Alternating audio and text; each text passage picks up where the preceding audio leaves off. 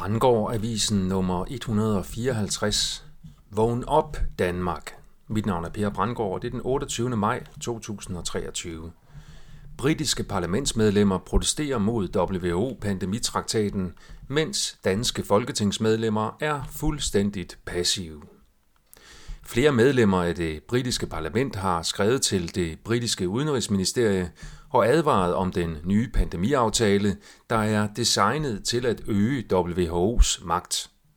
Til sammenligning er alle folketingsmedlemmer her i Danmark til synlædende fuldstændigt passive i forhold til WHO's igangværende magtovertagelse.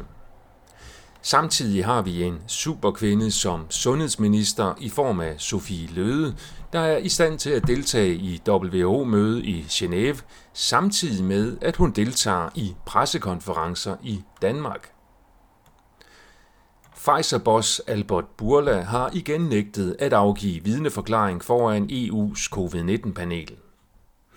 Apropos jøder, så har det israelske sundhedsministerie som svar på en anmodning om agtindsigt fra en advokat oplyst, at ingen israelere mellem 18 og 49 år uden underliggende sygdom døde af covid-19.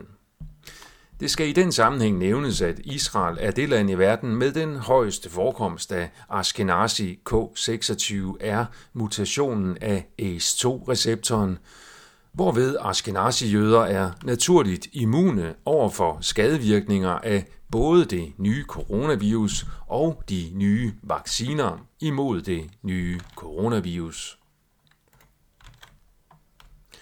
Mediet Common Dreams pointerer, at krigen i Ukraine var provokeret, og at dette er vigtigt at vide for fredsprocessen. Danmark er med sin ukritiske militære støtte til Ukraine med til at støtte krigsprovokatøren, samtidig med at Danmark ignorerer alle veje til fred. Det kan betegnes som psykopatisk eller i det mindste ignorant udenrigspolitik. Den opfattelse betyder ikke, at man automatisk er fan af Rusland og Putin. Det er faktisk muligt simpelthen at være fan af fred.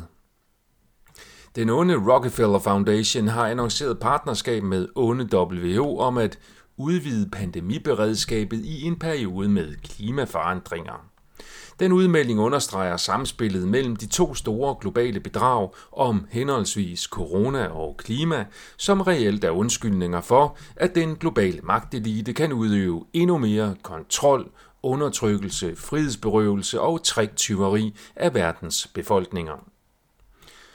Apropos triktyveri, så stiller Ekstrabladet det spørgsmål om finansminister Nikolaj Vammen fra Socialdemokratiet, der er politisk ansvarlig for det fejlagtige regnestykke, at store bededag måtte ofres for at sikre nationens økonomi. Først sagde regeringen, at det var for at finansiere krigen i Ukraine, men det blev senere korrigeret til at sikre et fremtidigt arbejdsudbud. Jeg er enig i den vurdering, at der er tale om triktyveri udøvet af en regering mod det danske folk.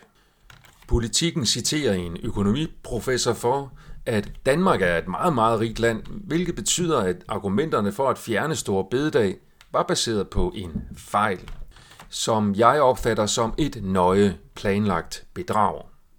Det er i det hele taget utroligt, hvad man kan skjule nu om stunder som fejl og inkompetence i politik, uden at de ansvarlige bliver stillet til ansvar, så længe der er tale om de rigtige konsekvenser, det vil sige dem, som de dybe magthavere ønsker, af de påståede fejl og inkompetencer.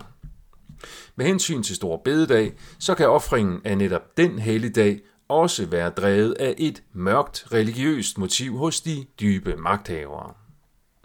Apropos triktyveri og Israel, så har Altinget afsløret nyt dokument, der så tvivl om Ellemands forklaring om milliardkøb af israelske våben.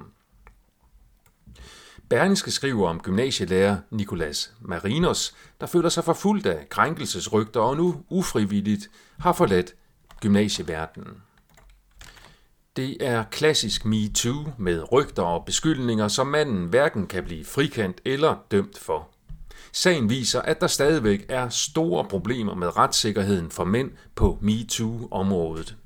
Der er reelt slet ingen retssikkerhed, da systemet er fuldstændig blind for ikke blot mandens rettigheder i disse sager, men også den mulighed, at kvinder bevidst eller ubevidst bruger falske beskyldninger som psykologisk informationsvåben.